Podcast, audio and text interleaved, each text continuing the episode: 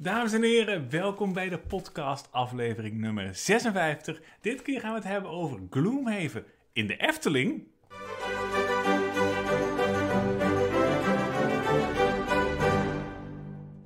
Het is weer tijd voor verhaaltjestijd. Ik ga het even hebben over een ding wat voorkomt in onze relatie. En wat Oh, in de laatste tijd vaker opvalt. Namelijk de meest uitgesproken zin in onze relatie is niet... Ik hou van jou. Of je bent zo speciaal voor me. Of Geert, wat ben je toch fantastisch. Ondanks dat het wel zou moeten. De meest uitgesproken zin is... Je hebt een piepje.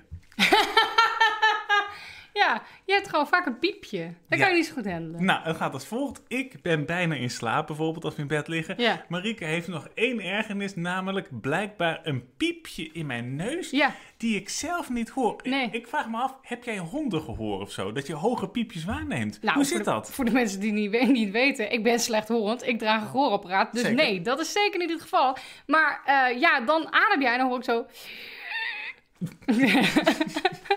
Zo creepy. Ja. ja. En dan kan ik niet zo goed tegen. Dus dan moet je gewoon even snuffen en dan is het weg. Maar ik neem dat zelf niet waar. Nee, maar dat maakt mij ook niet uit, want ik neem het wel waar. Ik vind het toch opvallend. Ik vraag me dan bijna af, ja, hou je vast mensen, of dat piepje er echt is. Ja, dat is echt... Maar weet je waar dit mee te maken heeft? Maar dan? Met die aftakeling waar jij het gisteren over had. Mijn Ja, aftakeling? dat zei je zelf. Ja, dat is wel waar. Ja. Wat is er gisteren gebeurd? Nou, gisteren ben ik 31 geworden. Ja. En dan ben je natuurlijk, ja, kijk, bij 30 kun je nog zeggen, het hoort bij de 20. Bij 31 is het gewoon, oké, volgende fase in je leven. Ja, je bent nu echt oud. Ja, precies. Maar heb je daar nog gevoelens bij?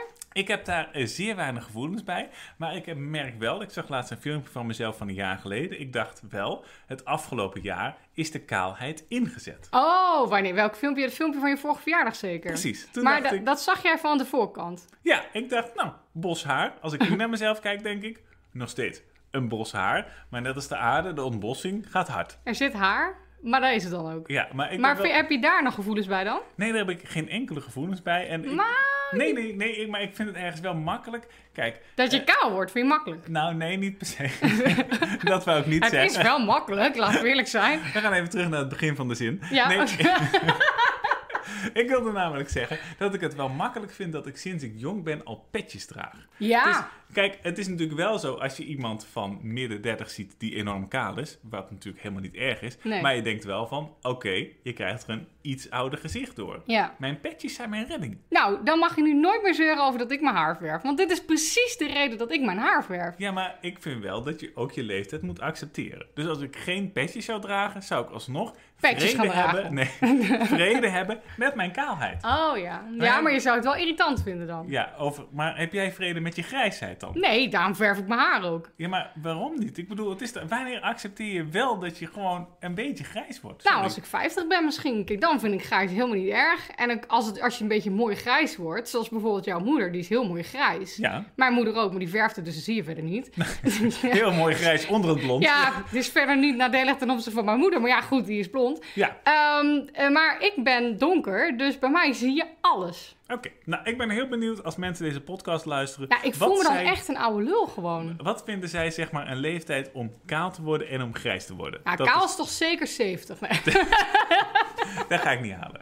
Maar Nee. goed, eh, mensen, dit was even het gebabbel aan het begin van de uitzending. We gaan het nu hebben over bordspellen en over de bordspellen die we hebben gespeeld.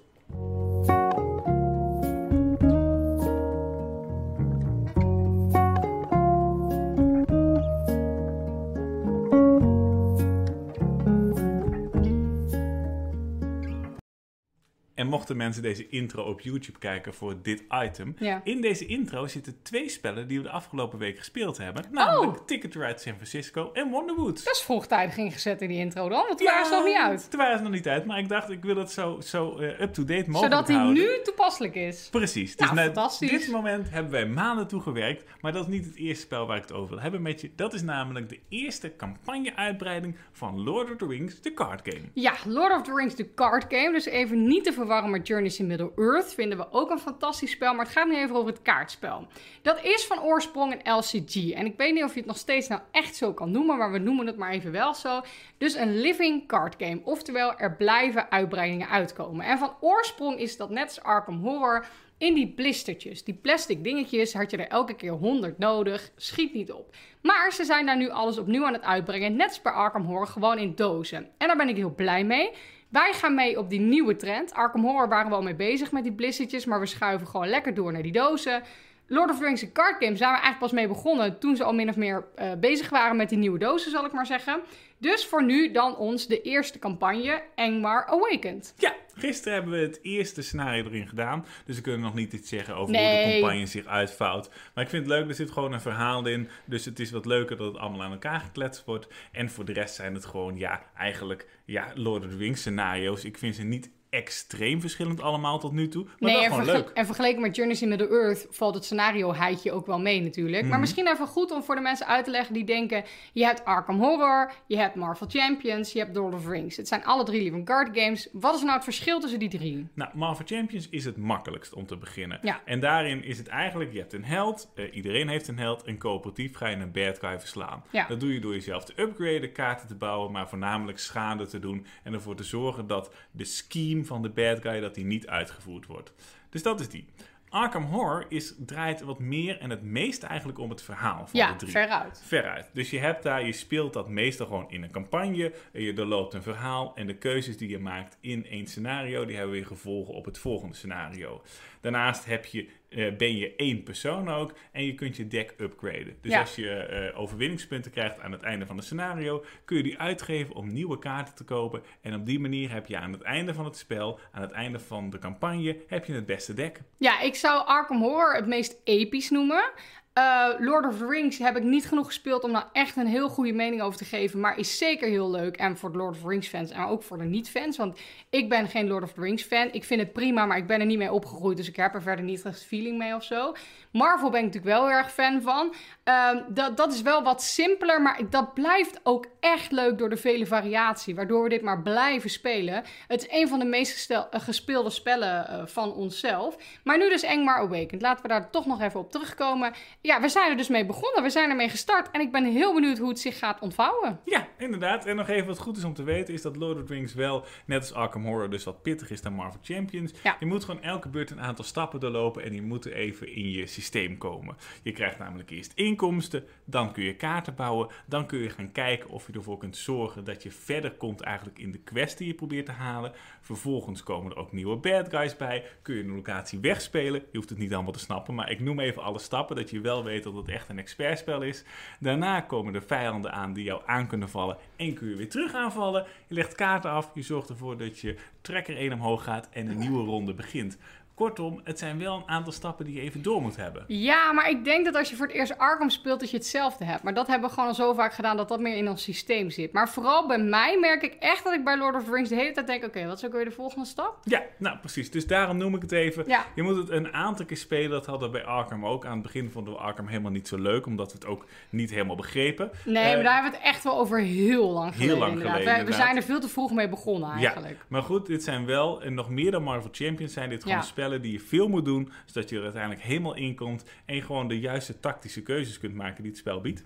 Goed, het tweede spel dat wij gespeeld hebben is Recto Verso. En ondanks dat we erg fan zijn van de makers, namelijk Inka Marcus Brandt, hadden we dit nog nooit gespeeld, omdat het in principe niet per se een spel voor ons is. Maar daarom vind ik het juist altijd zo leuk als we dat soort spellen bij anderen uitproberen. Ja, en dit keer was het het Spelletjesweekend, het beroemde Spelletjesweekend met Freddy en Saskia. Ja. Eén keer per jaar sluiten we onze weekend op en gaan we gewoon heel veel spellen spelen. Ja. En natuurlijk andere gezellige dingen doen. Maar in principe draait het wel hoofdzakelijk om de spellen. Ja, en zij hadden dus Recto Nieuw. En wat is dat nou? Nou, je hebt een doos, zeg maar gewoon de speldoos. En daar zit een plateau in, waardoor je dus zeg maar dingen in het deksel kan... Nee, niet in het deksel, in de doos kan zetten. Ja. Je zet daar een kaart in die uh, aan allebei de kanten een ander patroon vormt. En die kaart die kan je dus alleen zien als je ervoor zit. Dus hij heeft twee kanten. Degene die aan de ene kant zit, ziet de ene kant. En degene die aan de andere kant zit, die ziet de andere kant. Daarnaast heb je allemaal blokjes. Het zijn best wel grote houten blokken waar je dat figuur mee na moet bouwen. Maar let wel, jij ziet dus iets anders dan de persoon tegenover jou. Maar jullie moeten allebei dat zien. Dus dat betekent dat als jij alleen een grijs blokje ziet, dat je niet ook het oranje blokje moet zien, want die zie jij niet op de tekening. Je hebt dan een, ik weet niet eens hoe lang de tijd, een minuut of zo? Ja, het verschilt een beetje hoeveel je in een soort van campagne Oh, komt. ja. Je moet acht spellen achter elkaar halen om het te halen. Dus dat wordt steeds korter. Ja, oké. nou, je hebt heel korte tijd. En dan moet je dat dus gaan bouwen. En als jij ziet wat je hoort te zien, roep je recto. En als de ander dan ook ziet wat hij of zij hoort te zien, roept diegene verso. Ja, en uiteindelijk, nou ja, als het goed is, klopt het. En binnen Ja. de tijd heb je het gehaald. Maar als je het fout hebt, dan ben je af. Dan ben je af. Of als je het te lang erover hebt gedaan. Ja, en met twee spelers heb je dan dat je dus acht keer achter elkaar doet. En uiteindelijk wordt de tijd steeds korter. Ja. En moet je het in 15 seconden afzien te ronden. Bijna niet Echt te doen. niet te doen. Nee, en eh, met meer spelers is het zo dat je telkens twee spelers hebt die het doen. eh, en je moet dan fiches uitwisselen. Dus als ik aan de beurt ben, dan draai ik een fiche om. Daar staat een kleur op van een andere speler. En die andere speler moet dan met mij samen het halen.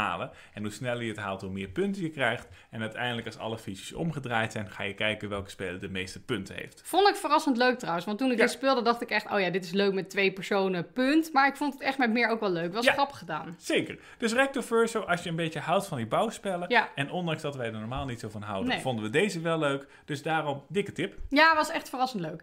Dan Ticket Ride San Francisco. Dat is de nieuwste Ticket Ride. Het is weer zo'n klein doosje. Dus net als Londen, New York en Amsterdam. En aan Geert's hoofd kan iedereen al zien wat hij ervan vindt. Nou, ik, ik vind het leuk, maar dat komt gewoon omdat ik Ticket to Ride leuk vind. Ja, Ik moet wel heel eerlijk zeggen, wanneer stopt het? de geldklopperij el- bedoel ja, je? als elke stad, ik bedoel, Ticket to Ride Harskamp hoeven voor mij niet te halen. Oh, dit lijkt me nou serieus nog best leuk. is best grappig. Ja, Oh, met karbiet schieten of zo. ja kabiet schieten, heel veel kerken, dat is een beetje wat Harskamp is. Ja.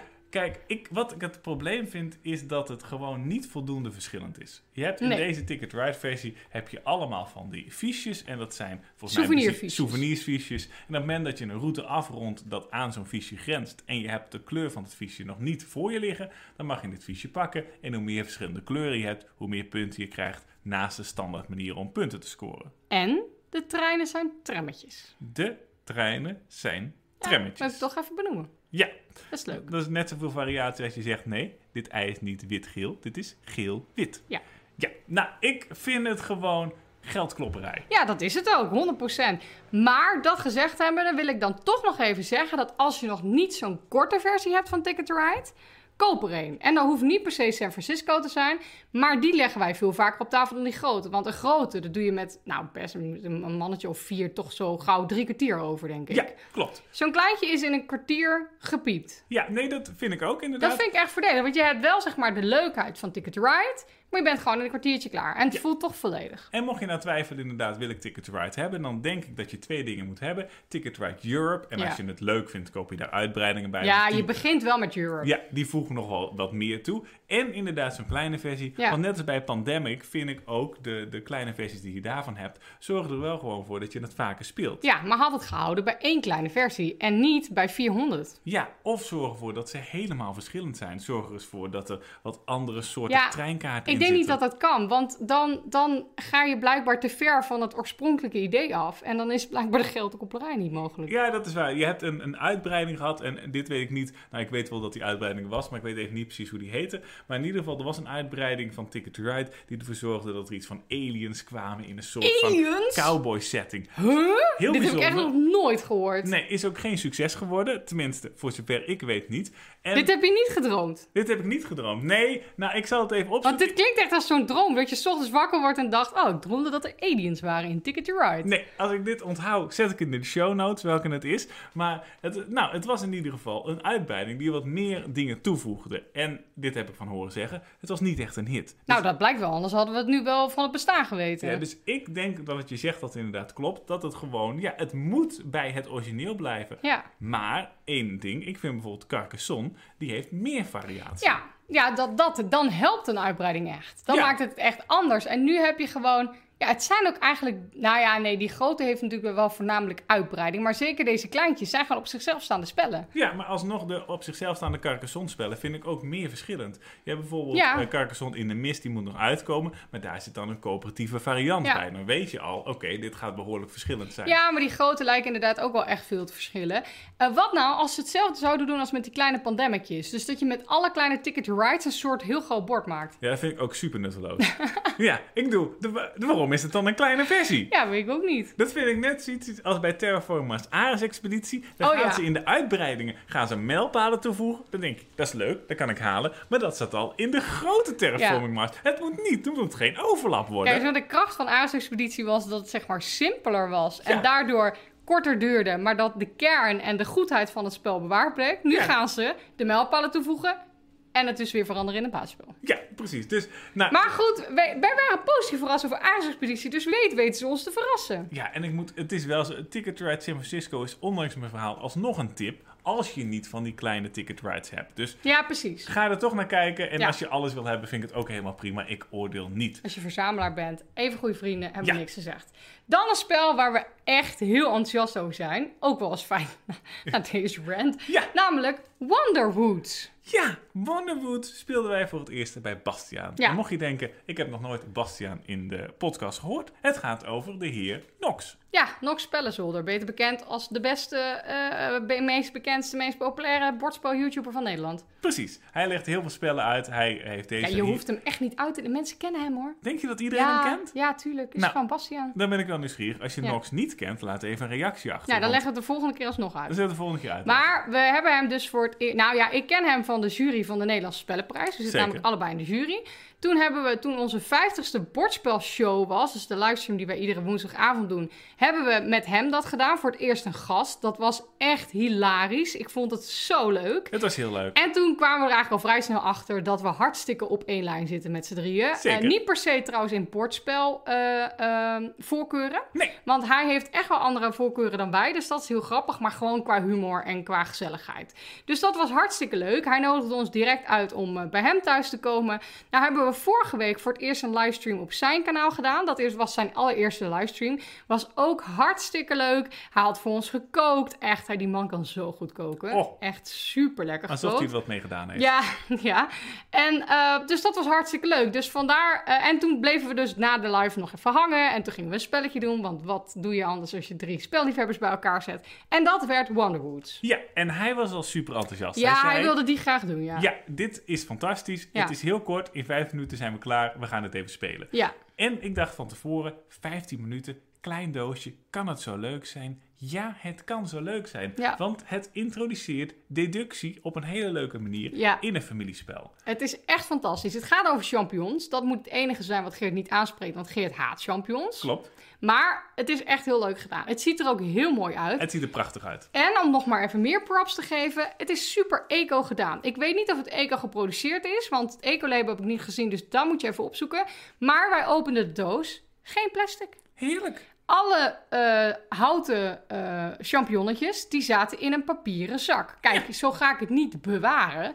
Maar waarschijnlijk had ik het toch al in een token tray gedaan. En dan had ik het plastic, ja, ik bewaar dat dan voor een ander spel, maar hadden anderen het misschien weggegooid. Of was er weer plastic voor niks Ja, geproduceerd. ik vind ook überhaupt in de ecospellen vind ik het gewoon heel slim. Voeg zelf dat plastic toe. Dan heb je tenminste... dan, dan is het tenminste eco, hè? blijvend plastic toe voor jezelf. Ja. Nee, maar die token trays, dat, dat lijkt me nou super makkelijk om die gewoon bij die paddenstoelen Ja, te zetten. Maar daar snap snapt mensen nog helemaal niks van. Dus dat was heel goed gedaan. Maar het gaat dus inderdaad over deductie. Je hebt vier soorten paddenstoelen. Die paddenstoelen die hebben allemaal een waarde. Alle, elke paddenstoel heeft vier kaarten met erop de waarde 1, 3, 5 of 7. Eén kaart ligt op zijn kop bij elke paddenstoel. Dus elke paddenstoel heeft een waarde 1, ja, niet per se 1, 3, 5 of 7, maar in ieder geval één van die vier. Maar je weet dus niet welke. Je raadt het al, hoe hoger het getal, hoe meer punten die paddenstoelen waard zijn. Die paddenstoelen ga je natuurlijk verzamelen. Maar je weet niet welke kaart eronder ligt. Nee, en daar moet je achter zien te komen. Aan het eind van elke ronde, en het speelt meestal drie of vier rondes, eh, mag je namelijk een extra mandje toevoegen. En hoe meer mandjes je hebt, hoe meer paddenstoelen je kunt verzamelen. Maar als je dat doet, dan moet je informatie prijsgeven. Ja, maar nu vergeten we één belangrijke stap. Je hebt informatie in je hand. Ja. Dat hadden we nog niet gezegd. Precies. Eh, terug naar de zin. Je hebt inderdaad kaarten in je hand waar ook informatie op staat over de waardes van de paddenstoelen. Alleen weet je één ding zeker, die waardes zijn het niet. Nee, want eh, zeg maar alle kaarten die dus overblijven, die shuffle je, die deel je uit. En daar heb je dus informatie over. Dus je weet wel, de rode paddenstoel is geen één, want die heb ik in mijn handen. Nee, Dus jij wil zo'n mandje erbij doen, zodat je meer paddenstoelen kan verzamelen. Maar goed, dan moet je informatie prijsgeven. Dus Ja. dan moet je een kaart open neerleggen. En iedereen weet, oké, die paddenstoel is in ieder geval niet die waarde. Ja, Dus op die manier kun je er langzaam een beetje achter komen welke paddenstoelen hoge waardes hebben, welke paddenstoelen lage waardes hebben. Maar goed, ik heb ook gemerkt, je kunt ook zomaar verkeerd gokken. Ja, want jij zat heel erg op een bepaalde paddenstoel. Daardoor dacht Bastiaan dat jij zeker wist dat dat de 7 was. Of in ieder geval een 5. Want de 5 is ook hoog natuurlijk, hè, als je er veel van hebt. Hij dacht, ik ga me niet laten kennen. Ik ga die ook verzamelen. Gewoon voor de zekerheid. Want hij dacht echt, Geert weet het gewoon. Deze vibe krijg ik. Hij zit maar op die witte paddenstoelen. Ik moet die paddenstoelen ook hebben. Maar ik had gewoon de zeven in mijn handen. Dus ik dacht, ja, jullie doen je best maar met die witte paddenstoelen. Ik hoef ze niet. Maar jullie waren zo met elkaar bezig dat jullie niet door hadden dat ik helemaal geen enkele witte paddenstoel had. Dus dat was heel grappig. En toen won ik. Dat was Ja, leuk. zeker. Dus Wonderwood is als je gewoon op zoek bent naar familiespellen die het net wat anders doen. Ja, echt origineel gedaan met die Ja. deductie. Heel leuk. Wat er ook nog prachtig uitziet, gewoon een dikke aanrader. Ja, Goed, dit zijn de spellen die we hebben gespeeld. Gaan we door naar het volgende item, namelijk de mechanismen.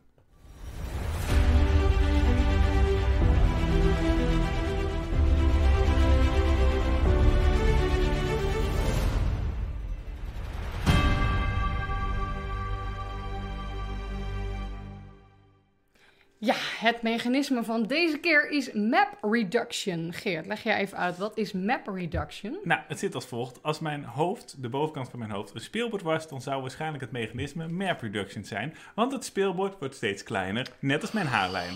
Dus dat is eigenlijk, is eigenlijk het enige wat je over dit mechanisme moet weten. Het doel is dat het speelbord steeds kleiner wordt. Ja. Mocht je denken, kom eens met een voorbeeld, Geert. Nou, dat heb ik. Het Ja. eerste voorbeeld is Atlantis Rising. Ja, nou, hoe legt dat even uit? Hoe werkt Atlantis Rising en waarom is dat nou een voorbeeld van map reduction? Het is een coöperatief worker placement spel. En je gaat eigenlijk proberen om ja, de uitvinding te maken zodat het volk van Atlantis weg kan uit de overstromingen die het land bedreigt. Dus je gaat allemaal grondstoffen verzamelen, je gaat daar uitvindingen mee financieren. En daarmee moet je uiteindelijk de hoofduitvinding maken zodat de machine weer werkt en een portaal opent en iedereen weg kan. Ja, toch krijg ik een klein beetje pandemic feels altijd als Ja. ik dat speel. Dat snap ik, want wat gaat hier gebeuren? Nou, de wereld wordt steeds kleiner. Ja. Het zit al in het mechanisme. Oftewel, je gaat tegels omdraaien en daardoor heb je steeds minder plekken waar je naartoe kan, omdat die onder water komen te liggen. Ja, en daar mag je dan dus niet meer opkomen. Dus er kan gewoon steeds eigenlijk, wordt het speelbord gewoon letterlijk kleiner. Ja, precies. Nou, en dat valt perfect in de map reduction. Dus Atlantis Rising, als je ervan houdt dat het allemaal steeds wat beperkter wordt, is gewoon een dikke aanrader. Nog een tip is Forbidden Island. Forbidden Island is een spel dat ook in Nederland uit is gekomen en daardoor vaak wordt gebeurd voor mensen die voor het eerst coöperatieve spellen proberen. Eerlijk gezegd, wij speelden dit toen we al goed in de coöperatieve spellen zaten en daardoor dacht ik echt, is dit? Oké, nou ja, zal wel. Ik denk als je nog niet zoveel coöperatieve spellen speelt, dat dit juist wel heel slim is. Want men is heel enthousiast, maar ik vind het gewoon, nee, Ja, ik- niet heel leuk. Ik denk dat het echt een aanrader is als het je eerste coöperatieve spel Ja, is. ja. Als je daarna ook maar één ander coöperatief spel hebt gedaan, dan is de kans gewoon groot dat het een klein beetje tegenvalt. Ja, maar hoe gaat Forbidden Island en waarom is het map reduction? Nou, precies op dezelfde manier als Atlantis Rising. Namelijk, we er, is vallen in herhaling. er is water en het wordt steeds kleiner. Het is dus ook een coöperatief spel, maar hierbij moet je over het bord bewegen en moet je proberen verschillende schatten te verzamelen. En uiteindelijk kan het zomaar zijn dat bepaalde plekken zo ondergelopen zijn dat ze niet meer bereikbaar zijn. Dus je moet uiteindelijk, volgens mij is het het helikopterplatform in het midden, uiteindelijk weten te bereiken met voldoende dingen zodat je weg kan. Ja, deze is onderdeel van zo'n trilogie. Je hebt het verbeten, ver- vergeten eiland Eh, de Het verlaten station. en iets met een woestijn. en nog iets met de woestijn. Het enige leuke eraan is dat het een soort van... Nou, die ene heeft bijvoorbeeld een, een, een raket en daar zitten batterijen in, dus die geeft licht. Nu Ja. klink ik als een driejarige. Ja, precies. Dat kun je ook gewoon bij de Intertoys kopen. Maar eh, Forbidden Island is al geheel mwah. Wat beter is, is Blood Rage. En Blood Rage is voor het eerst in deze categorie niet coöperatief. Nee. Je gaat namelijk strijden naar elkaar. Je gaat je held proberen te upgraden. Je gaat de juiste kaarten zien te verzamelen. Zodat je uiteindelijk steeds sterker wordt en elkaar af en toe een klapje kan geven. Ja, en dat is voor die categorie, zeg maar, dat soort spellen is niet per se altijd ons ding. Ik vond deze echt leuk. We spelen het niet super vaak, maar ik vond hem leuk. Ja, zeker. Het is gemaakt door Eric M. Lang. Dus Ja. een beetje twee dingen zeker. Epische strijd en epische miniaturen. Ja, die man is, als je ervan houdt, zo ongeveer de beste. Ja, het is echt heel knap wat hij doet. Hoor. Ja. Maar ook wat makkelijkere spellen. Zoals Marvel United heeft hij ook aan meegewerkt. Ja, Het klopt. is gewoon een hele diverse bordspelmaker. En dat is gewoon heel erg knap. Omdat eigenlijk elk spel wat hij uitbrengt gewoon goed beoordeeld wordt. Maar even terug naar de Blood Rage. Ja, Blood Rage. Nou, het principe ken je ondertussen een beetje. Maar hoe zit dat nou precies? Het gaat over de wereld van Odin en Thor en dergelijke. Dus een beetje de Noorse mythologieën. Gezellig. Gezellig. Het speelt zich volgens mij af in Valhalla, als ik het tenminste goed Ja, dat dacht ik heb. me ook te herinneren, ja. Maar goed, eh, wat gebeurt er? In ieder geval, het wordt steeds kleiner. Ja. Oftewel, delen van het speelbord gaan verdwijnen. Die worden gewoon, die ontploffen en dan kun je niet meer naartoe. Ja. En daardoor wordt het steeds lastiger. En krijg je, en dat is ook leuk, steeds meer strijd. Omdat je het met elkaar tegen elkaar op moet opnemen. En je dus steeds minder plek hebt, gaat de strijd alleen maar toenemen. In dit geval eigenlijk ook wel heel logisch en slim bedacht, want daardoor moet je wel tegen elkaar gaan. Ja, en kan je niet allebei in een uithoek gaan zitten of zo. Nee, Je, ziet- kan aan het begin even naar een uithoek rennen, maar ja, het wordt steeds kleiner dus. Ja, en je ziet dat ook heel vaak bij dat soort ja, eh, Ja. strijdspellen. Als je het met minder spelers doet, dat ze ook vaak gewoon delen van het bord weghalen, zodat de strijd toegevoegd wordt. Het leuke hier is dat het gewoon onderdeel van het spel is en dat er gewoon een vaste ronde is eigenlijk, dat er gewoon wat dingen weggaan. Dus dat is leuk Ja. gedaan. Tof gedaan. Het laatste voorbeeld wat we hebben is dan weer net wat anders. Dat is namelijk Santorini. Santorini ken je waarschijnlijk wel als je op Instagram zit, want dat is dat spel met die witte huisjes. Zeg maar zoals je daadwerkelijk in Santorini hebt. Witte huisjes, blauwe daken. Super schattig. Het is een soort vierkant bord met allemaal huisjes in verschillende hoogtes eigenlijk. En eigenlijk doet het mij het meest denken aan schaken. En dat is ook precies waarom ik het geen leuk spel vind. Het is wel een goed spel, maar ik vind het gewoon niet leuk. Het is een goed spel en het doet waarschijnlijk aan schaken denken, omdat het super abstract is Ja. en je elkaar telkens eigenlijk in de weg zit en je probeert elkaar af te troeven. Ja, want nu denk je, hoezo abstract? Het is toch heel thematisch, want Santorini heeft witte huizen met blauwe daken. Maar zeg maar, het spelmechanisme is heel abstract. Ja, dus je gaat rondlopen en je gaat uiteindelijk proberen huizen te maken van uit mijn hoofd drie verdiepingen. En daar probeer je uiteindelijk zo'n koepel op te plaatsen. Ja, want dan is hij af en je moet op de goede plek gaan staan. En je moet elkaar irriteren door op de verkeerde plek te gaan staan. Ja, ja. Ja. Maar goed, hoe wordt nou telkens het bord kleiner? Als zo'n gebouw af is met Ja. zo'n dak erop, dan kun je in principe niks meer met de plek waar dat gebouw op staat. Nee, want je kan niet op een dak gaan staan. Je kan Nee. blijkbaar wel op een open tweede verdieping zonder plafond gaan staan. Dat maakt niet Maar zodra er een dak op komt, is het klaar. Ja, maar dan ben je de aannemer en op het moment Ja. dat het huis af is, Oh ja. kun je er niks meer mee. Nee, ja. Dus dat is gewoon eigenlijk het idee. Uiteindelijk komen er steeds minder vakken beschikbaar omdat huizen afgemaakt worden. En daarom is Santorini ook een goed voorbeeld van map production. Maar wat vind jij van Santorini? Ja, ik vind het slim, knap gemaakt, er leuk uitzien. maar Ja, het ziet er prachtig uit. het is niet helemaal mijn spel. Dus- Maar als je daar dus wel van houdt, van die abstracte zaak, schaakachtige spellen, ga dit proberen. Zeker. Eh, mensen, dit waren weer de mechanismen. We gaan door naar het volgende onderdeel. En hopelijk gaat het dit keer wat beter Ja, dan bij de vorige uitzending. Dat hoop ik ook. Het gaat over de Random Game Generator.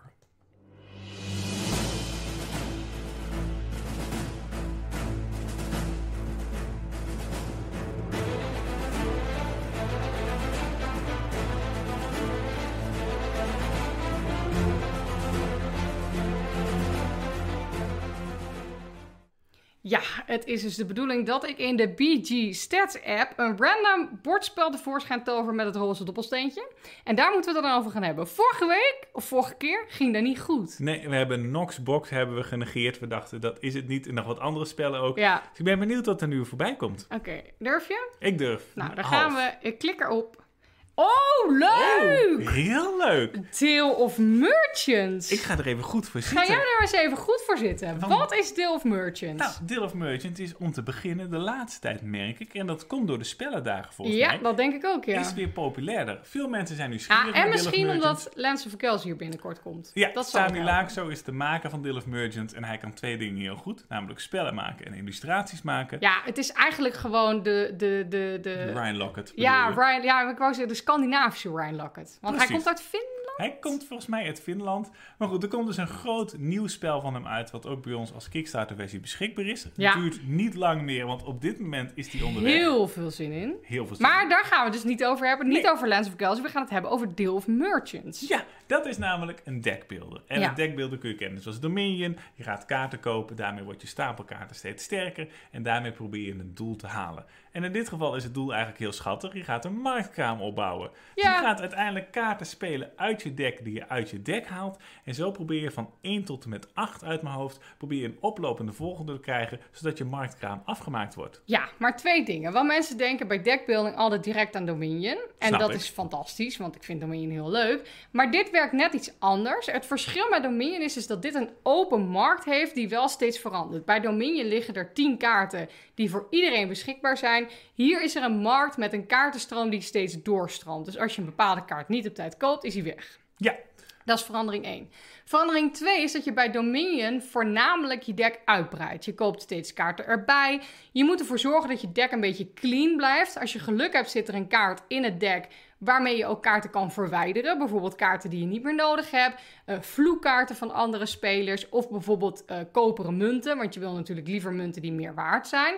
Dat is een verschil, want bij Deel of Merchants verandert je deck eigenlijk continu, omdat je die marktkramen aan het bouwen be- bent. Je moet dus bouwen van 1 tot 8, en als je dat gedaan hebt, heb je gewonnen. Maar je kan niet random kaarten neerleggen van bepaalde waarden. Die moeten wel allemaal dezelfde kleur hebben. Ja, hetzelfde volk zijn eigenlijk. precies. Dus je gaat inderdaad, je begint bij 1, je mag ook geen getallen overslaan. Nee. Dus je, op elke kaart heb je een getal staan, dus dat geeft aan wanneer je hem eigenlijk neer mag leggen in de markt. Maar wat je zegt klopt inderdaad. Aan het begin Nou, zul, je, zul je wat mindere kaarten neerleggen omdat ze lage getallen hebben. Ja. Maar uiteindelijk moet je echt de juiste en de hoge en de goede kaart in je hand hebben om maar uiteindelijk tot de acht te komen en nou, je marktruim af te kunnen maken. Ja, ik denk dat het bij Deel of Merchants nog belangrijker is om je deck goed onder controle te houden dan bij bijvoorbeeld Dominion. Want daar kan je in principe, mits je het niet erg uit de hand laat lopen, altijd wel wat. Ja, En dat is dan misschien niet de strategie om te winnen, maar je loopt niet echt vast. Nou kan je bij of Merchants ook niet vastlopen hoor, want je kan altijd wel wat doen. Maar het is wel belangrijker om nog beter op je deck te letten. Dus dat is superleuk. Eh Deel of Merchants is er in 1, 2 en 3. Dat zijn op zichzelf staande delen, zowel in het Engels als in het Nederlands. Maar wij zijn het meest fan van de Deel of Merchants Collection. Ja, ik moet zeggen, we hebben zelf nog niet eens alles ontdekt Nee. wat er in die doos zit. Want dat is zoveel. Je hebt allemaal karakterkaarten, zodat je een eigen eigenschap krijgt. En daar zijn er echt tientallen van. Ja. Je hebt nou wederom heel veel nieuwe decks met nieuwe dieren die weer op een andere manier spelen. Er zitten allemaal fiches en tokens in die je nodig hebt bij die verschillende decks. En die weer extra regels toevoegen. Het is niet normaal wat daar allemaal in zit. Echt enorm uitgebreid. Maar alleen in het Engels. En hij gaat ook niet in het Nederlands komen. Nee. En de basisspellen zitten daar niet in, toch? Dus als je het basisspel hebt, kan je nog de collection Ja, hebben. klopt inderdaad. Het is gewoon eigenlijk een uitbreiding, maar een op zichzelf staande uitbreiding. Zoals Ja. elk deel eigenlijk ook Ja, is. maar collection, en daar heb ik het ook wel eens mee door elkaar gehaald, dat, dat vermoedt dat ze allemaal in de collection zitten. Maar dat is dus niet zo. Nee, het is geen big box, het is Nee, gewoon precies. inderdaad een, een losstaand iets. Maar Deal of Merchant, als je Ja. ja. houdt van deckbuilders of zelfs als je nieuwsgierig bent naar een deckbuilder, probeer het gewoon. Want het is helemaal niet zo ingewikkeld, veel strategische keuzes en het ziet er prachtig uit. Probeer hem op een spellendag. Oh, leuk! Goed bruggetje, bruggetje. ja. Kom je binnenkort een spelletje bij ons spelen? In onze spelletjeswoonkamer staan bijna duizend spellen die je onbeperkt mag uitproberen. Kom met een groepje of alleen. Er zijn genoeg mensen om mee te spelen. Leuk spel gespeeld? Je krijgt die dag op al onze bordspellen, kaartspellen, puzzels en accessoires 5% korting. Kijk op de spelletjesvrienden.nl slash tickets voor alle informatie, de data en tickets.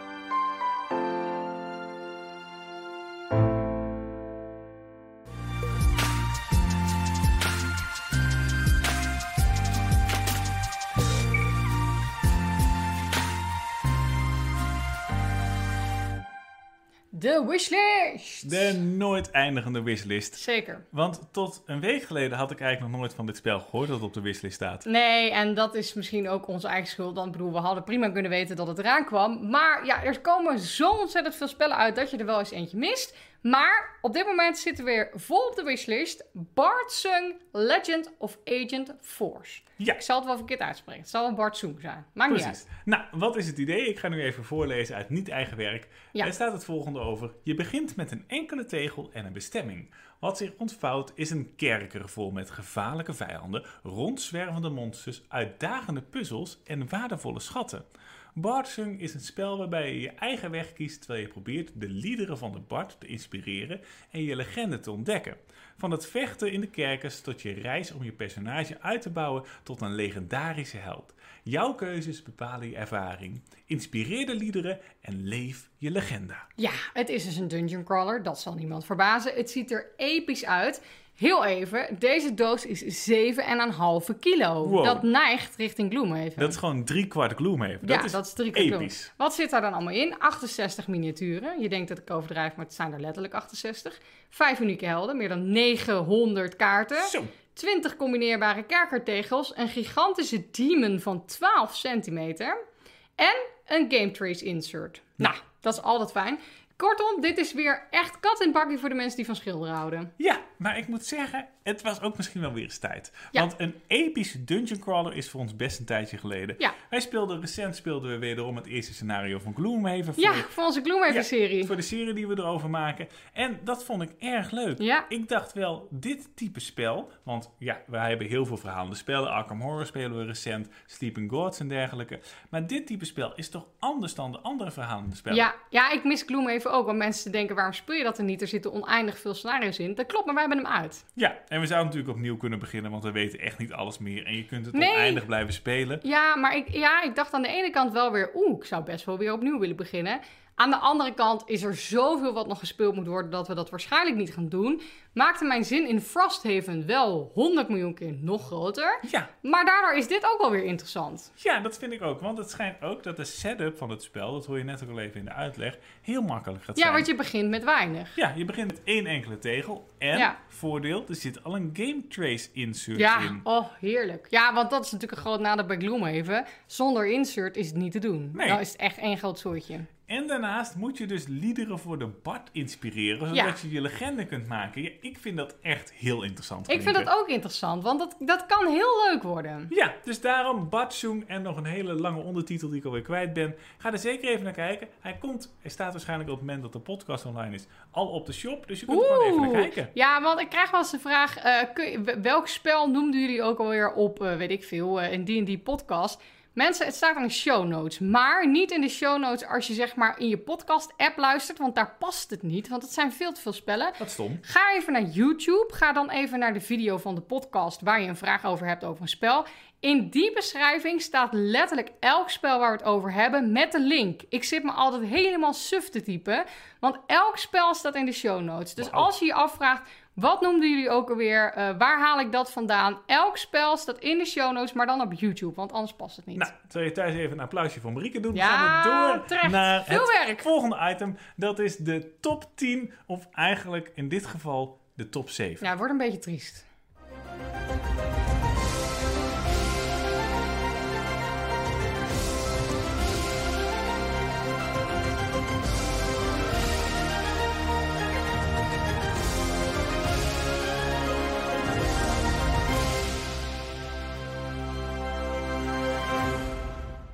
Yes, de top 10 van onze Board Game Geek Challenge. Kun je heel even uitleggen hoe die challenge ook alweer in elkaar steekt? Zeker weten. We gaan de top 2000 van Board Game Geek langs. En de top 2000 van Board Game Geek, dat zijn de 2000 best beoordeelde spellen door jullie. Ja, het is een soort IMDb waar iedereen gewoon cijfers achterlaat. We zijn inmiddels in de categorie 1600 tot 1700. Daar bekijken we alle spellen van in die top 100 eigenlijk die we gespeeld hebben. En daar maken wij een top 10 van. Maar omdat het nog steeds een beetje hoog is, wordt het nu een top 7, want we hadden gewoon niet 10 spellen gedaan. Precies. En we Het beginnen... wordt natuurlijk steeds moeilijker en mensen, blijf bij ons. Ja, daarom. Maar goed, het blijkt dat er ook slechte spellen in de top 2000 staan. Ja. Want op nummertje 7 staat Virus. Dat is een kaartspelletje dat ook uitgegeven is door Hotsports uit mijn hoofd Ja, in klopt. eh, Nederland. En het is, nou ja, voor heel veel mensen waarschijnlijk een grappig spelletje om met vrienden te doen. Wij vonden het niet zo heel leuk, omdat het, ja, wat Heel veel betreft- geluk heeft. Ja, en ook niet echt iets toevoegt. Dus wij gaven het een 2.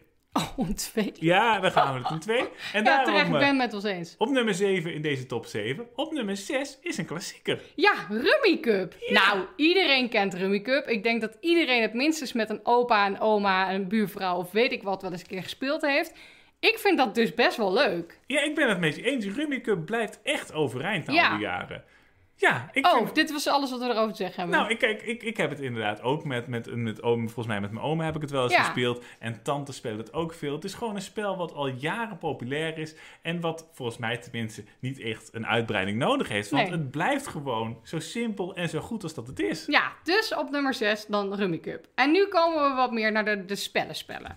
Op 5 staat Holmes. En dan moet je me heel even helpen. Is dit Holmes versus Moriarty? Wel, wat is dit? Welke Ja. is dit? Klopt, er zijn heel veel Sherlock Holmes spellen. Ja. Dit gaat over Holmes versus Maria- Moriarty. Eh is een twee-spelerspel dat Ja. in Nederland uitgegeven is door White Goblin Games. Het is een tijd geleden dat we het gespeeld hebben. Dus Ja, ik weet nog dat ik dat verrassend leuk vond. Want je moest dan die bepaalde... Je had bepaalde fiches met krachten die je kon eh, eh, uitzetten. Dus zeg maar, je kon niet de dezelfde actie de hele tijd doen, als ik het goed zeg. En dan moest je daar... eh, ja, ik kreeg er bijna een beetje eh, Watergate-feelings van, weet ik nog. Daar moest je... Ja, ik weet niet meer precies hoe het zat. Maar Nee, het was maar- fiches uitgegeven, dan moest je actie doen. En dan moest je dingen verbinden. Ik vind het een topverhaal. Ja. Het is in ieder geval wel zo'n tactisch kat-en-muis twee-spelerspel. Ja. Wat je ook inderdaad meer hebt. Hij is ook best populair in de shop, maar we hebben het gewoon al heel lang niet gedaan. Lang geleden. Nu komen we even bij spellen die verser in onze geheugen zitten. Ja. Namelijk op nummer 4 staat Pharaon. En Pharaon vond ik echt verrassend goed. Mag ik even zeggen dat Pharaon echt door mensen slechter beoordeeld wordt dan het is? Ja, Heel vaak hoor ik mensen negatief over Pharaon. Waarom? ja het, is, nou, het, is, het is helemaal niet moeilijk. Het Nee. is zelfs, je zou het zelfs kunnen zien als een familie plus spel. Of in ieder geval Zeker. een gezelschapsspel. Ja, Het is helemaal 100% niet moeilijk. zelfs. Maar over het algemeen ga je eh, eh, grondstoffen verzamelen. En wat ik het leuke vind, dat doe je over eh, volgens mij vijf verschillende vakken die over een rond bord verdeeld zijn. En die altijd anders liggen, want dat zijn van die puzzeltegels. Ja, en het leuke is dat elk vak eigenlijk net op een andere manier werkt. Ja. Bij het ene vak moet je vooruit gaan over een soort spoor en probeer je zo ver mogelijk te komen. Bij een ander vak kun je weer fiches omwisselen voor elkaar, zodat je betere fiches krijgt.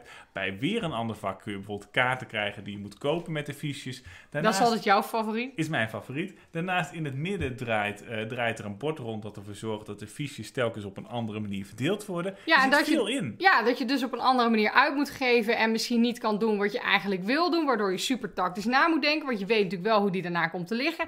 Ik vond Pharaon echt goed. Ik snap niet waar, waarom iedereen dat stom vindt. Ik ben het met je eens. Dus Varon, ga er naar kijken. Het Ja. ziet er misschien een beetje suf uit, maar het Nee, past heel in- thematisch. het Het past is in allemaal- het thema. Ja, het is allemaal Egyptisch, dus het is gewoon een soort van megapyramide. Ja, en Ja, in het ik- Nederlands. Dus uh, Ga je naar kijken, mensen. Want ik snap niet waarom mensen dit negatief vinden. Dan, Machikoro Legacy op nummer 3. Ach, Machikoro vinden wij een prima dobbelspel. Maar inmiddels zijn er gewoon 100 miljoen spellen die veel beter zijn. Ik noem een Space Space. Maar Machikoro Legacy was echt verrassend leuk. ja, het is gewoon, het begint in ieder geval als het standaard Machikoro. Machikoro, je gooit dobbelstenen, daarmee ga je gebouwen activeren. Ja. En daarmee krijg je inkomsten en kun je weer nieuwe gebouwen kopen. En uiteindelijk probeer je uiteindelijk volgens mij vier bezienswaardigheden af te ronden. Ja, en je kan dus heel erg sturen, zeg maar, wat je uitkomst is. Want je zal zeggen van, ja, dat is allemaal geluk. Maar je kan bijvoorbeeld, nou, iedereen weet dat de 7 het meest gegooid wordt. Dat is gewoon letterlijk zo, geloof ik. Zeker. Zelfs bewezen. Eh, dus dan kan je zeg maar ervoor zorgen dat je, als je de 7 gooit, dat je een betere actie hebt. En als je merkt, hé, hey, ik heb nog helemaal niks als er een 3 gegooid wordt, dan ga je daar een kaart voor kopen, zodat je wel wat krijgt als er een 3 gegooid wordt. Ja, nou, heel erg, nou, prima om te doen. Machikoro Legacy voegt gewoon heel veel dingen toe, omdat er verschillende campagnes in zitten. Leuk verschillende verhaal. scenario's, grappig verhaaltje, leuke Ja. nieuwe toevoegingen, stickers die je moet plakken. Ja. Dus het is gewoon het perfecte instap Legacy spel. Ja, ik zou dat ook echt met kinderen gaan spelen. Ja, dus dat zo perfect. leuk. Ja. Op nummer 2 staat Coatl. En Coatl is een spel waarbij je een soort van draken maakt. In het Nederlands is het uitgekomen bij White Goblin Games. Ik geloof vorig jaar ergens of zo. En het doet mij altijd een klein beetje denken aan Azul. Maar dat komt waarschijnlijk gewoon omdat die draak bestaat uit die plastic tegeltjes. Ja, nou, het is ook gewoon een abstract spel waarbij Ja. je probeert doelen te halen. Ja, maar ik vind het wel leuk. Ja, ik ben het met je eens. Gaat- staat hij op 2. Nou, je gaat een draak maken die inderdaad bestaat uit verschillende kleuren. Dus Ja. je kunt die fiches aan elkaar leggen. En daarmee moet je proberen opdrachten af te ronden. Dus op bepaalde kaarten staan, nou ja, eh, vormen of volgordes die je Ja, moet bijvoorbeeld hebben. rood, zwart, rood, zwart, blauw, blauw, wit. paars. Precies. Nou, uiteindelijk mag je drie draken voor je hebben liggen. Dus je moet die zo tactisch mogelijk indelen dat ze eigenlijk aan zoveel mogelijk doelen eh, voldaan hebben. Het is heel tactisch, niet ingewikkeld. Het ziet er leuk uit, dus Ja, een aanrader. Voor mensen die, nou, die houden van abstracte spellen zoals Azul, ik zou er naar kijken. Coatl. Eh, kijk maar even in de show notes hoe je dat schrijft. Dan op nummer 1 een spel wat ook niet genoeg aandacht krijgt. Paranormale Detectives. Ja. Is echt heel leuk. Het is heel erg leuk. Het is een combinatie tussen mysterium aan de ene kant en aan de Ja. andere kant, ja, eigenlijk wat behoorlijk uniek is. En je gaat namelijk proberen om erachter te komen wat er precies gebeurd is. Het is wel een beetje een partyspel, maar hang, hang on. Want ik, ik weet gewoon dat als je het woord partyspel noemt, dan haakt de helft alweer af. Ja, onterecht. In Ja. dit geval zit er heel veel in. Je hebt namelijk een verhaal wat er gebeurd is en de geest weet wat er aan de hand is. Ja, En die bijvoorbeeld iemand is aangereden door een auto terwijl hij op een schaap zat. Ja, nou, dat gebeurt allemaal. Ja, Eh, vervolgens probeert iedereen erachter te komen wat er precies gebeurd is, wie de dader is, wat het moordwapen is, Ja. hoe dat gegaan is. Welke en dat, plek. Ja, en dat ga je doen door kaarten te spelen. En als je een kaart speelt, dan staat erop op wat voor manier je de informatie gaat krijgen. Dus bijvoorbeeld, de geest moet touwen vormen om aan te geven wie hem vermoord heeft. ja. Of de geest moet op zo'n bord allemaal lettergrepen bij elkaar leggen, zodat je uiteindelijk erachter probeert te komen eh, waar het gebeurd is. Dat ja, soort dingen. zo'n Oesta-bord. Ik weet dat je het niet zo uitspreekt, maar ik weet niet hoe je het wel uitspreekt. Of eh, je moet op je rug tekenen. Ja. Of eh, je moet een geluid, één geluid maken. Ja, Dus dan moet je heel tactisch nadenken, oké, welke vraag stel ik? Bijvoorbeeld, eh, nou, het moment van de moord zou dan bijvoorbeeld een goed moment zijn voor het geluid. ja, Want anders heb je er niet zoveel aan. Eh, of eh, weet ik veel, als je een plek wil of een dader, dat je dan op de rug tekent. Of, nou ja, zo heb je dus verschillende kaarten die je allemaal dus maar één keer kan spelen. Dus je moet tactisch spelen wanneer je wat doet. En dan moet je er dus achter zien te komen. Ja, uiteindelijk moet je gewoon de classic vragen beantwoorden. Wie, wat, waar, hoe en met wat, geloof ik. ja. Als je dat als eerste doet, dan kun je uiteindelijk het spel winnen. Dus maar dit is dus ook leuk met twee spelers, is vinden ook wij. leuk met twee spelers. En er zijn niet heel veel partyspellen die Nee. het op die manier doen, die leuk zijn met twee spelers. Ja. Want het lijkt soms ook een klein beetje op Black Stories, omdat er zo'n verhaal in zit waar je achter probeert Nee, te dit komen. is echt leuker. Maar als je dat met ik. twee spelers doet, Black Stories, dan heb je gewoon een interview. Ja. Dus Ja, en dan, dan, ja, dan word je gewoon een beetje moe van raden op een gegeven moment. Goed, het is hoog tijd voor de luisteraarsvraag.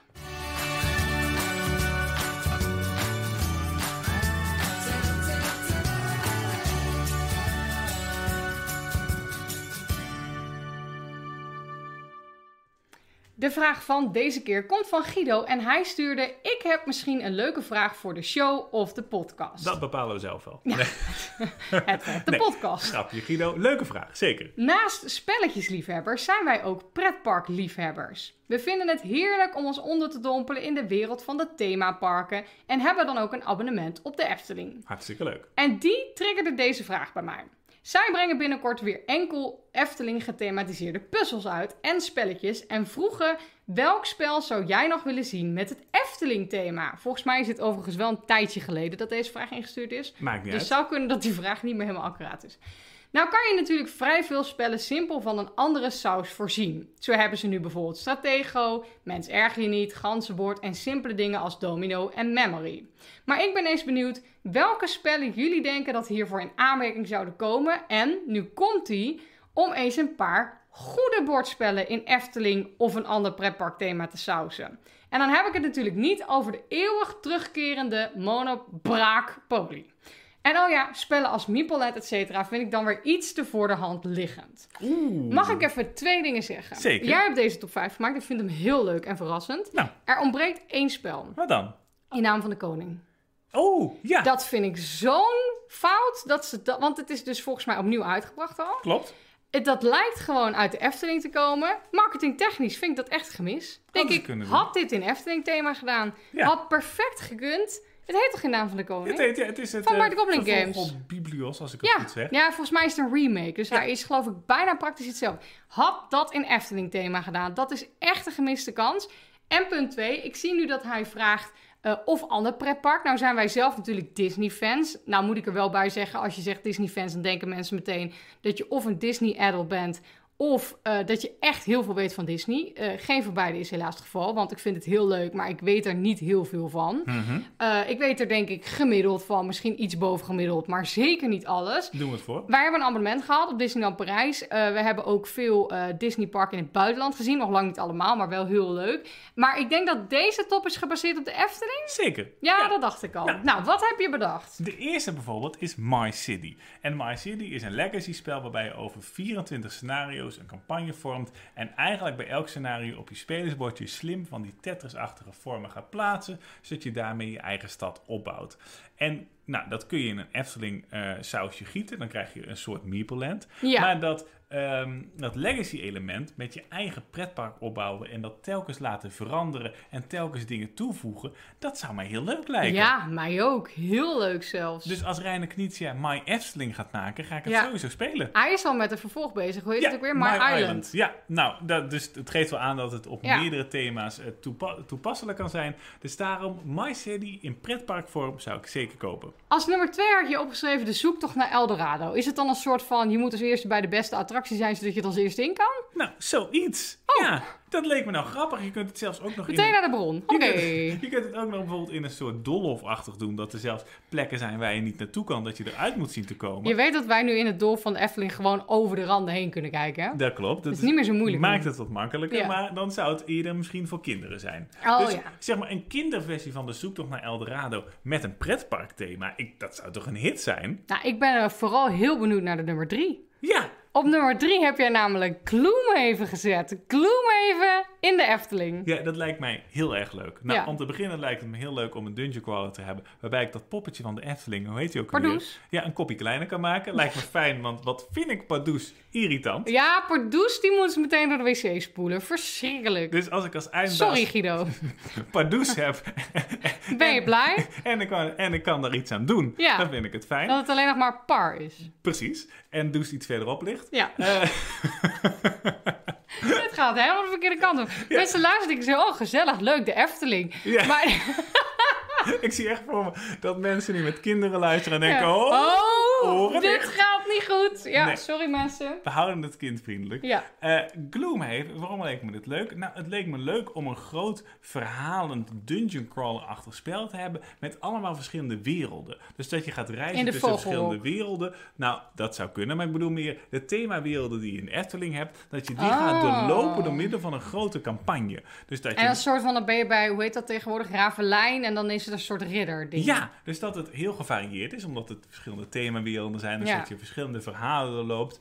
Ik kan dat wel voor me zien in een groot verhalend spel als Gloomhaven. Ja, ik ook. Nou. Ik denk niet dat de Efteling het zo snel uit zal geven. De doelgroep lijkt me niet heel groot. Maar wel een heel leuk idee.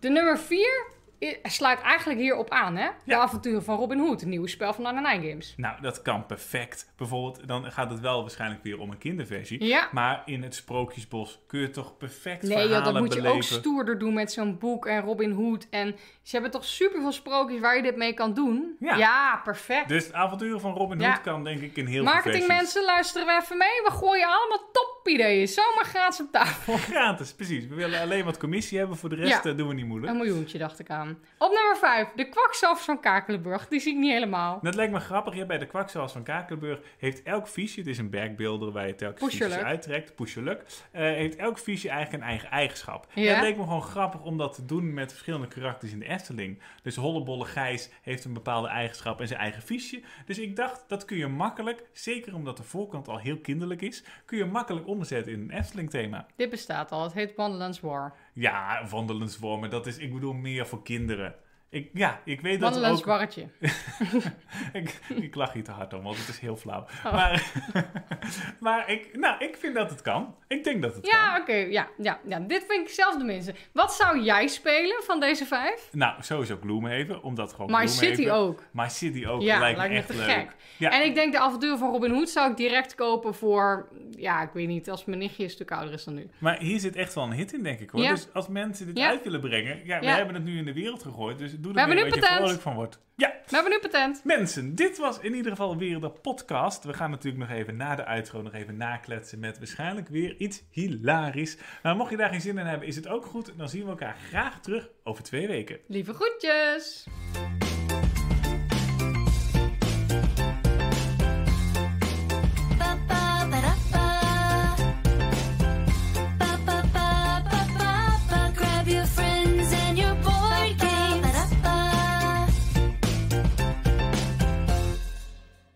Het is eigenlijk een ergernisje en dan een driedubbel ergernisje. Oh nee, maar gaat Maar het denk over je dat, mij? dat... Of- Nee, het gaat niet over je. Denk je dat de plek in de podcast... dat dit de plek is voor een driedubbel ergernisje? Ai, ai, ai. Nou, de- meeste mensen die geen zin in hebben, zijn toch al afgehaakt. Oh Dus ja, en ze kennen me inmiddels. Ik heb altijd wat te zeuren. Nou, wat wil je kwijt? Mijn ergernisje 1, en ze hebben dus allemaal met elkaar te maken, is die pleurenshitten.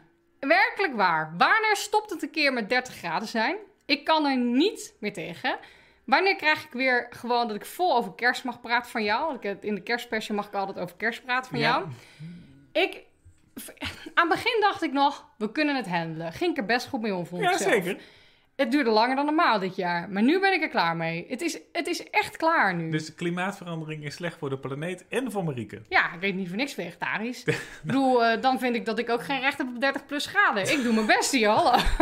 Dus met iedereen die goed met het milieu omgaat, die moet gewoon een aangepast klimaat hebben. Ja, wij doen hier ons best en resultaat hou maar. Ja, nou je kunt ook gewoon verhuizen naar Noorwegen, hè? Ja, dat zou een goede optie kunnen zijn. Maar dat is, nou ja, ik, vind ja, ik denk dat ik dat prima zou kunnen trouwens. Je kan lekker in de bergen wandelen, lekker vroeg donker. Noorwegen, ja? Ja, het is Ook- wel een beetje duur, want een zak de- chips kost daar echt 5 euro. En in de winter ook, denk ik. Nou, Ja, dan ga toch lekker binnen spelletjes spelen. Ja, lampjes, is- lampjes zijn de oplossing voor alles, Geert. Dat is waar. Maar goed, terug naar de ergernis. Belangrijke dingen. Zeker. Ergernis 2 is, dit staat even los hiervan, maar dan snappen jullie waar ergernis 3 vandaan Oh komt. jongens, we zijn nog niet op de helft. Hè? We Nee. zijn pas bij ergernis 2. Ergernis ja? 2 is een heel specifieke ergernis, waar mensen nu vandaan denken, waarom erger je eraan? Nou, dat... Nou. Ja. De ergernis is als volgt. Als mensen die een bril hebben, hun bril hier hebben staan. Omschrijf even wat er gebeurt. Op het topje van je neus. Nee, niet helemaal op het topje van je neus, maar zeg maar net achter dat bordje. Ja, volgens sommige mensen is dat A, sexy of B, slim. Dat laat ik even in het midden. Nou, vind ik niet, maar ja, dat laten we even in Ja? ja? ja, maar dat je zeg maar, dan zit ik te kijken naar een YouTube-video of naar weet ik veel wat mensen. En dan staat die bril zeg maar net zo dat ik als lens- en brildrager gewoon weet, hier zie je geen snuit door. Nee. Zet die bril op je hoofd. Ik Ja. vind dat zo irritant. Zet die bril gewoon op je hoofd. Ja, maar er zijn mensen die nog meer met hun uiterlijk rekening houden dan ik bijvoorbeeld. Die zijn mensen die een bril dragen voor de schoonheid. Dus als daar gewoon normale glazen in zitten, dubbel glas, Ja, dan, maakt het ook geen donder uit. Nee, dan maakt het helemaal niet Nee, uit. maar echt, mensen, als jij zo iemand bent die continu elke vijf minuten Oh, die het bril wordt persoonlijk. Ja, op je hoofd gaat zitten. Ga alsjeblieft even naar de opticien en laat die dingen even maken. Top. Want ik, ik kan het niet aan. Nee. Ik kan het niet aan. Zet die bril gewoon op je snuffer. Dus, Komen we bij ergernis 3. Tuurlijk. Dat is dat ik het nu zelf ook heb, omdat het zo pleuris warm is. Ja, maar oh, je bedoelt dat je Ja, dat bril ze- telkens naar voren Ja, gaat? ik weet niet of je het gezien hebt, maar ik ben die hele podcast al bezig om die bril op mijn snuffer te houden, want hij glijdt gewoon naar voren. Kijk, en dit zijn uitzonderingsgevallen, hè. In hittegolven telt dit allemaal niet mee. Oké. Dan kan je er niks aan doen, want dan heb ik het zelf ook. Jij maakt die regels, heel Ja, fijn. ik maak dat is heel fijn. Mijn eigen ergernis, mijn eigen regels. Dus dan ben je vergeven en dan tel ik het allemaal niet mee. Als je sport met bril, ja, dat is al lullig genoeg, want dat is echt niet fijn. Maar als je geen lenzen kan dragen of wil dragen, dan ben je daar nou, dan zit je eraan vast. Daar kan je niks aan doen. Dus dat telt ook niet mee. Het gaat mij puur om het dagelijks leven, dat je gewoon te beroerd bent om die bril even op je neus te zetten. En als je nou zo iemand tegenkomt in de stad, Ja. wat vind je dan een passelijke straf? De pardoesstraf. Zo. Nou, Nee, dat is niet waar. die kwam nee. de Pardoes uit. Ja, die er dus uit. Dan wil ik nog even één ding showen voor de mensen die dit op video kijken. En dan Ja. kan jij even omschrijven wat er gaande is. Wat leuk. Want dit is dan, dit staat even los van de ergernissen, zijn nu afgesloten. Maar dit is een, een gebbetje. Een Een gebbetje. gebbetje. Nou, ik heb dus een nieuwe bril. Ik heb Ja. hem nu op omdat ik vanochtend ruzie had met mijn lenzen. Die zitten gewoon voor gemeten. Er zit iets op, ik krijg het er niet af. Ze werkte niet. Dus Ja. na 10 minuten rotzooien dacht ik, het is vandaag een dag voor een bril. Ja, Dus ik heb vandaag mijn bril. Heb ik niet vaak, want ik vind lens veel fijner. Want die bril glijdt, kan, ik niet- kan niet handelen. Top. Dus ik vind lenzen gewoon veel fijner. Uh, maar ik heb dus wel nu een nieuwe bril, waardoor ik dus in dit soort gevallen mijn bril op kan. Als het nodig is, wat heel fijn is, want lenzen gaan wel eens stuk of raken beschadigd of weet ik veel. Dan, het is altijd goed om een bril als backup te hebben. zeker. Dit is een nieuwe bril. Ik ging naar de Pearl. Ik ga gewoon name shame ook, kan mij schelen. Ik ging naar de Pearl voor een nieuwe bril. Ja. En ik zei tegen die mevrouw... Wat ik irritant vind met mijn oude bril... is dat Ja. ik er hoofdpijn van krijg. Niet alleen omdat de sterkte niet klopt... maar ook omdat die niet naast mijn gehoorapparaat past. Ja, Dan gaat mijn oor in een soort flapoor extreme... en dat gaat zeer doen op een gegeven moment... want dat past niet. Er zit dan te veel achter mijn oor. Ik zei, hoe gaan we dat oplossen? Want er zijn heel veel mensen die dit probleem hebben. Dit probleem moet op te lossen zijn. Oh, ze, dat is geen probleem. Je kan alle brillen kiezen die je wil. En we fixen dat gewoon als we hem afstellen. wat perfect. Ik dacht, top, niks meer aan doen. Ik twee brillen uitgezocht, kreeg de tweede van zijn cadeau. Dat vond ik dan wel weer lief van ze. Zoals altijd. Ja, Die actie geldt altijd. Ja, en, en ook bij de concurrent, bij Ja, de Specsavers. Geeft wel aan hoeveel winst er op brillen zit. Maar goed. Ja, nou, inderdaad, verschrikkelijk. Maar goed, in ieder geval, ik twee brillen uitgezocht, helemaal goed. Nou, dan moet je wachten tot ze gemaakt zijn. Ik een week later terug. Toen was er een andere meneer. Mhm. Die meneer, die wist niet van mijn probleem. Dus die meneer moest hem dan zeg maar laten zien. En die moest hem dan passend maken. Voor de mensen, die drie mensen die nog nooit een bril hebben gehad. Dat moet er dan gebeuren. Dus ik zeg tegen die meneer... Ik heb een gehoorapparaat. Ik wil graag dat hij er overheen gaat. Want anders past het niet achter mijn oor en dat doet zeer. Die blik in die ogen van die man toen hij mijn bril, mijn uitgekozen bril zag... en bedacht dat hij dat dus over mijn gehoorapparaat moest doen... Pure paniek. Zeker. Pure paniek. Jij zat ernaast en wij keken zo aan en we dachten... dit was blijkbaar niet de bedoeling. Nee, nee, dat was niet gecorrespondeerd. Dit was niet gecorrespondeerd. En die man die keek echt... Je zag gewoon aan zijn gezicht dat hij dacht... daar ben ik mooi klaar mee. Want zij heeft gezegd dat het kan en dan mag ik het oplossen. Ik zal even demonstreren aan de mensen... hoe deze meneer dit specifieke probleem heeft opgelost. Ja. Kan jij even omschrijven hoe mijn bril er nu uitziet? Als ik hem dus niet op mijn snuffertje heb. Ja, ik weet niet of het voor de cameramensen te zien is. Dus ik, had ook, Nou, ik moet zal je het even even voor hen omschrijven. Ja. Je hebt eigenlijk twee pootjes aan je bril en die zijn heel scheef. Die zitten, de ene zit een stuk hoger dan de andere. Nou, niet alleen dat, maar de ene heeft gewoon zeg maar een bocht, zoals iedere normale bril, want dan zit Ja. namelijk je oor. Die andere, die loopt gewoon eigenlijk rechtdoor. Dus aan dat ene pootje heb je niks. Die loopt gewoon, dat is gewoon een stokje. Ja. Ik heb nu een bril met een brillenpootje en een stokje. Ja, nou, Werkt het? Semi. ik vind het mooi dat in dit gebbetje wel ergens 4, 5 en 6 voorbij gekomen Ja. zijn. Nou, ik vond het wel een beetje stom voor die meneer. Want die dacht ook, ja, die bril is nu al af. Daar kunnen we niks meer aan doen. Ja, Ik moet het oplossen. Er was paniek. Eh, nou ja, hij heeft het dus een semi opgelost. Het is goed dat ik deze bril niet elke dag draag. Dan was ik niet zo blij geweest. Maar ik vind het voor nu prima. nou, hartstikke fijn. Maar het ziet er raar uit, toch? Als je hem afzet, ziet het er raar uit, maar Ja. anders zie je het niet. Nee, en ik kan me ook nooit meer op zonder mijn gehoorapparaat. Dat klopt. Hoe dan goed, ook, mensen, eigenlijk hebben jullie helemaal niks in dit verhaal. over twee weken zijn we terug. Fijn dat jullie dit helemaal uitgezoten gezeten nou, ik ben wel hebben. gewoon blij dat ik, het, dat ik het even gewoon van me af heb gezegd. Dus nu ben ik het- weer kwijt. Je bent het weer ja, kwijt. dus ik ben nu weer vrienden met de purl. Goed, tot over twee weken. Lieve groetjes. Lieve groetjes!